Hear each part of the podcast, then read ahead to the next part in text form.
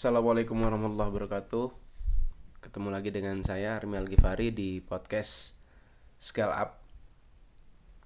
Beberapa hari yang lalu saya eh, baca sebuah artikel ya judulnya Finding Time to Invest in Yourself. Ini artikel dari penulis dan sekaligus eh, entrepreneur sekaligus investor yang cukup saya kagumi namanya Naval Rafikan. Jadi kamu bisa cari aja uh, Naval Rafikan di di Google ya atau di YouTube atau di podcastnya dia uh, atau di websitenya dia nav.al. Ini seorang seorang investor uh, di perusahaan-perusahaan startup yang yang cukup cukup bisa ditiru atau bisa diambil sesuatu dari pemikiran-pemikirannya dia jadi bukan orang yang sekedar cuman dari cuman apa memperkaya diri sendiri bukan. Tapi dia punya value yang besar uh, tentang bisnis tentang dirinya dia sendiri tentang bahkan tentang humanity. Judul artikelnya tadi yang sudah saya bilang yaitu finding time to invest in yourself.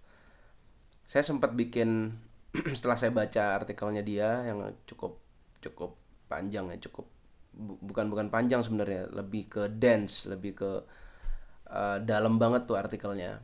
Nah, saya sempat bikin X-Mind dan dan mind mapnya supaya saya mudah menyerap apa yang harus saya pahami dan saya bisa membagikan kepada orang lain. Nah, sekarang ini saya ingin bagikan dalam bentuk voice aja dulu kepada Anda.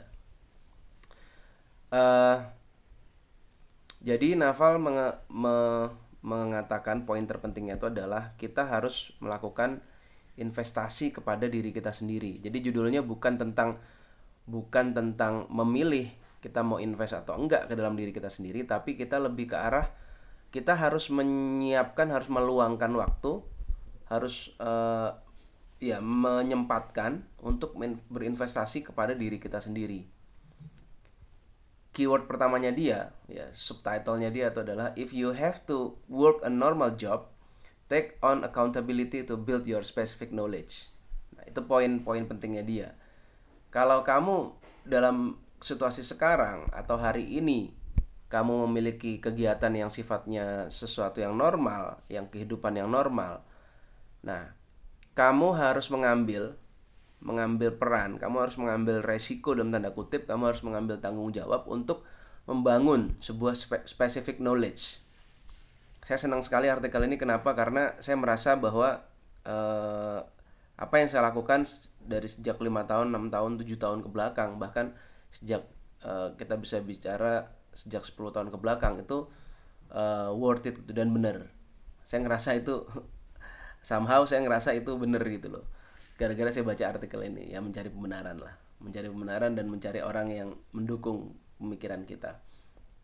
Kalau kamu melakukan hal-hal yang normal dari sejak uh, apa namanya sekarang normal tuh artinya kamu kerja kuliah dan ke, misalkan uh, apa namanya ya kegiatan-kegiatan yang sifatnya sangat normal banget lah kepada orang kebanyakan. Nah kamu harus take on accountability kamu harus mengambil uh, resiko atau mengambil peran atau mengambil sebuah tanggung jawab untuk membangun specific knowledge pengetahuan yang spesifik ke dalam dirimu sendiri.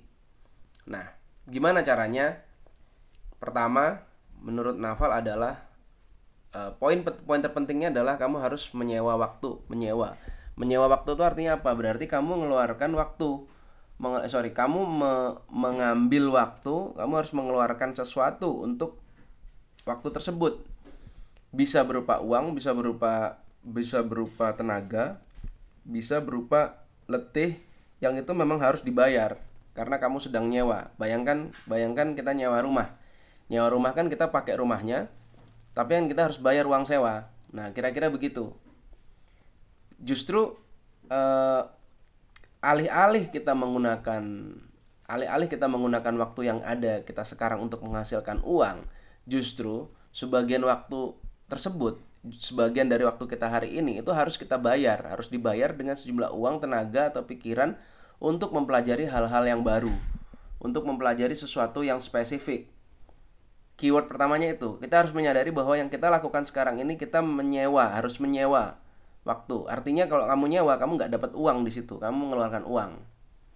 Kamu mengeluarkan tenaga. Gitu ya. Jadi misalkan 24 jam, 8 jamnya kita harus sewa gitu. Nah, oke. Okay. Poin yang kedua adalah pertama tadi poinnya adalah kita harus menyewa waktu. Poin keduanya menurut Naval adalah ya belajarlah hal baru yang orang-orang belum tahu cara mengajarkannya. Contohnya kalau di dunia sekarang yang paling di-emphasize oleh Naval adalah yang paling digarisbawahi oleh Naval adalah bidang teknologi. Bidang teknologi itu sekarang teknologi hal, eh, hal baru ya, sebuah hal baru teknologi apalagi teknologi yang seputar uh, komputer misalkan uh, bahkan mungkin computer science atau mungkin data atau mungkin sesuatu yang sifatnya uh, IT itu itu hal-hal yang orang belum tahu cara ngajarinnya secara utuh. Bahkan kalau dalam kasus saya sendiri Facebook Ads misalkan itu belum tahu tuh gimana caranya caranya yang beneran gimana uh, orang tuh bisa ngajarin uh, sebuah kemampuan untuk beriklan yang saya sendiri mungkin belum belum bisa mengajarkan secara benar secara maksimal. Dan Facebook sendiri pun belum bisa ngajar juga. Terbukti apa? Terbukti satu dua tahun yang lalu Facebook masih masih uh, mengajak saya brainstorming untuk gimana sih sebenarnya ngajarin Facebook Ads atau mengajarkan sebuah ilmu advertising kepada UKM di Indonesia gitu kira-kira. Jadi ini sesuatu hal yang baru. Bahkan kita nggak nggak berbicara tentang Facebook Ads. Banyak sekali misalkan data analytics business analytics itu sesuatu yang orang masih meraba-raba dan masih sedikit yang menguasai itu gitu kira-kira. Jadi belajarlah hal baru yang orang-orang belum tahu cara ngajarinnya. Nah gimana caranya? Yang pertama apprenticeship ya, anda bisa apprenticeship. Apprenticeship itu artinya belajar uh, kepada orang lain yang sudah ngerti. Bahasa bahasa zaman bahasa sekarangnya adalah mungkin nyantri ya nyantri kepada orang-orang yang sudah kepada kiainya. Atau anda ikut di dalam sebuah perusahaan perusahaan itu memang uh, punya specific knowledge di sana. Nah anda nyantri di sana. Ingat konsep besarnya masih tetap uh, menyewa waktunya. Konsep besarnya masih tetap uh, rent. You have to rent your time to get started. Kira-kira itu poin terpentingnya. Nah kemudian uh, setelah nyantri ya berarti kalau nyantri akibatnya adalah anda harus mau mengerjakan hal-hal yang kecil yang itu sebenarnya Anda itu underpaid mungkin menurut Anda underpaid. Jadi ngerjain sesuatu dibayarnya cuman misalkan 3 juta atau 4 juta sesuatu yang gimana sih kan anak ITB kok bayarannya segitu. Kan saya anak UI kok bayarannya cuman segitu? Cuman ada di 4 jutaan misalkan. Tapi ya itulah itulah yang harus anda ambil karena konsepnya adalah belajar mempelajari suatu hal baru. Konsepnya nyantri. Dan uh, itu adalah bagian dari sesuatu yang kita sebut dengan take on accountability. Gitu kira-kira.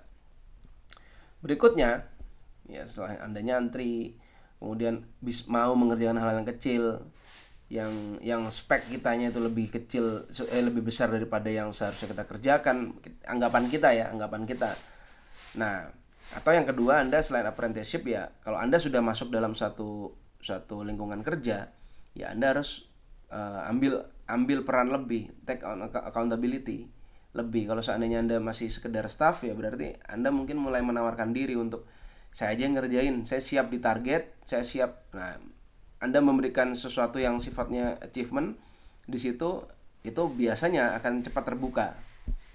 Gitu ya. Accountability itu akan mempercepat proses learning kita dan akan menghasilkan judgement dari orang lain yang akan lebih jadi lebih tinggi terhadap kita. Jadi ingat accountability menghasilkan judgment. Ini menurut Naval, accountability menghasilkan judgment.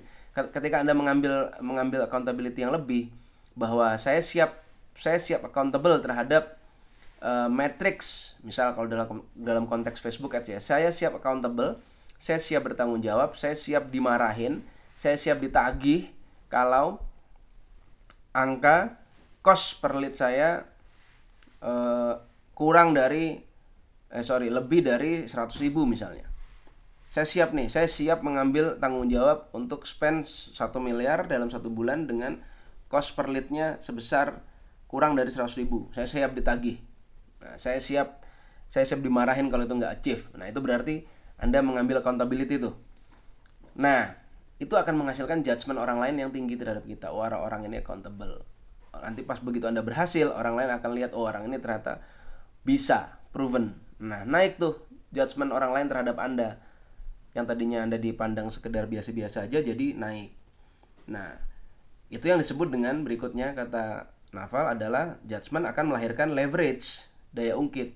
Jadi terungkit nih dari hasil dari hasil hasil accountability Anda uh, menimbulkan judgement yang tinggi kemudian judgement itu melahirkan leverage naik naik uh, istilahnya anda menjadi dianggap memiliki satu skill di atas rata-rata nah, kalau kata Naval ya cara cepat untuk menaikkan daya ungkit ini tadi adalah ya tadi seperti yang saya bilang bahwa uh, kita bisa mempelajari high leverage skills sehingga ketika orang ngejudge kita ya, ngejudge kita itu kita tuh dianggap paham di bidang itu dan leverage akan tercipta.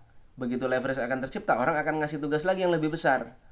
Akan ngasih lagi accountability yang lebih besar dari itu. Nah, akhirnya lama-lama kita akan memiliki suatu specific knowledge. Jadi kita membangun skill seperti itu uh, dengan cara membangun dengan cara belajar specific knowledge yang akhirnya makin lama makin spesifik skill kita di bidang tersebut. Apa yang dimaksud dengan specific knowledge menurut menurut Naval? Ya kira-kira adalah knowledge yang sedikit orang punya.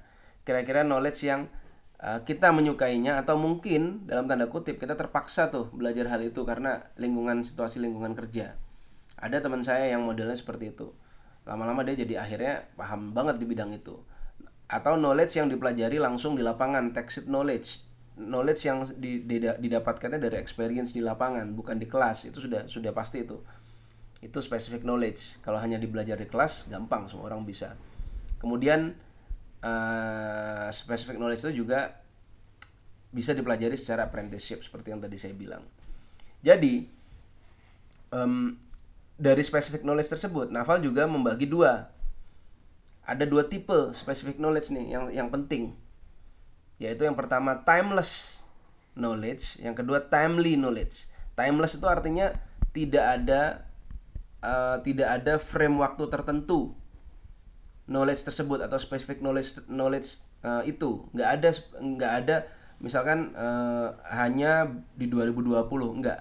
Tapi ini kayak sepanjang masa. Contohnya apa? Contohnya komunikator ahli berkomunikasi. Kemudian contohnya lagi attitude. Contohnya lagi adalah cara kita melayani customer.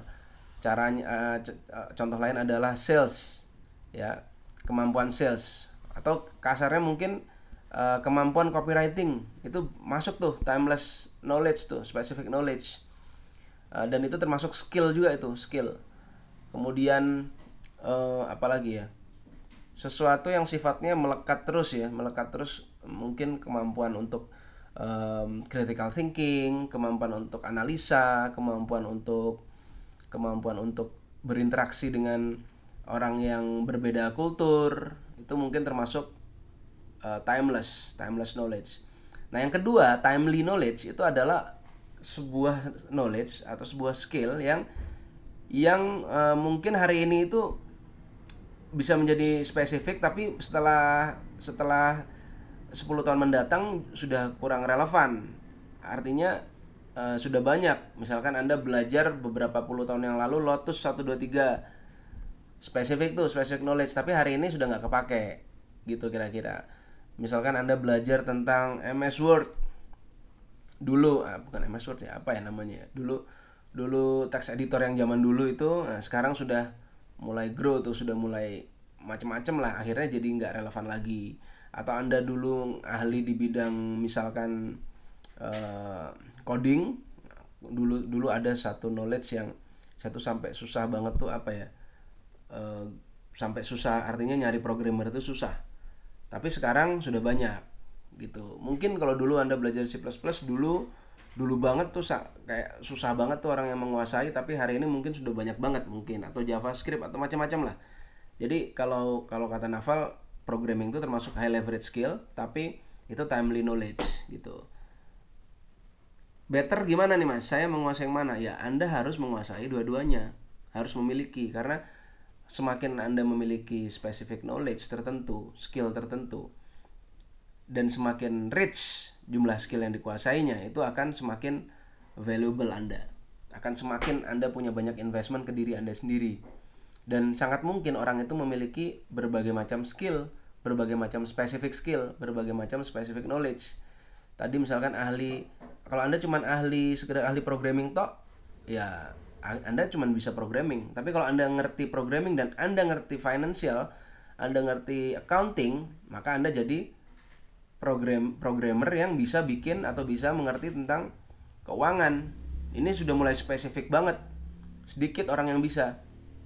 Anda ngerti computing, Anda ngerti uh, Anda ngerti accounting, Anda ngerti programming dan Anda ngerti auditing itu sudah menjadi different game lagi. Anda bisa menjadi fraud uh, programmer misalkan.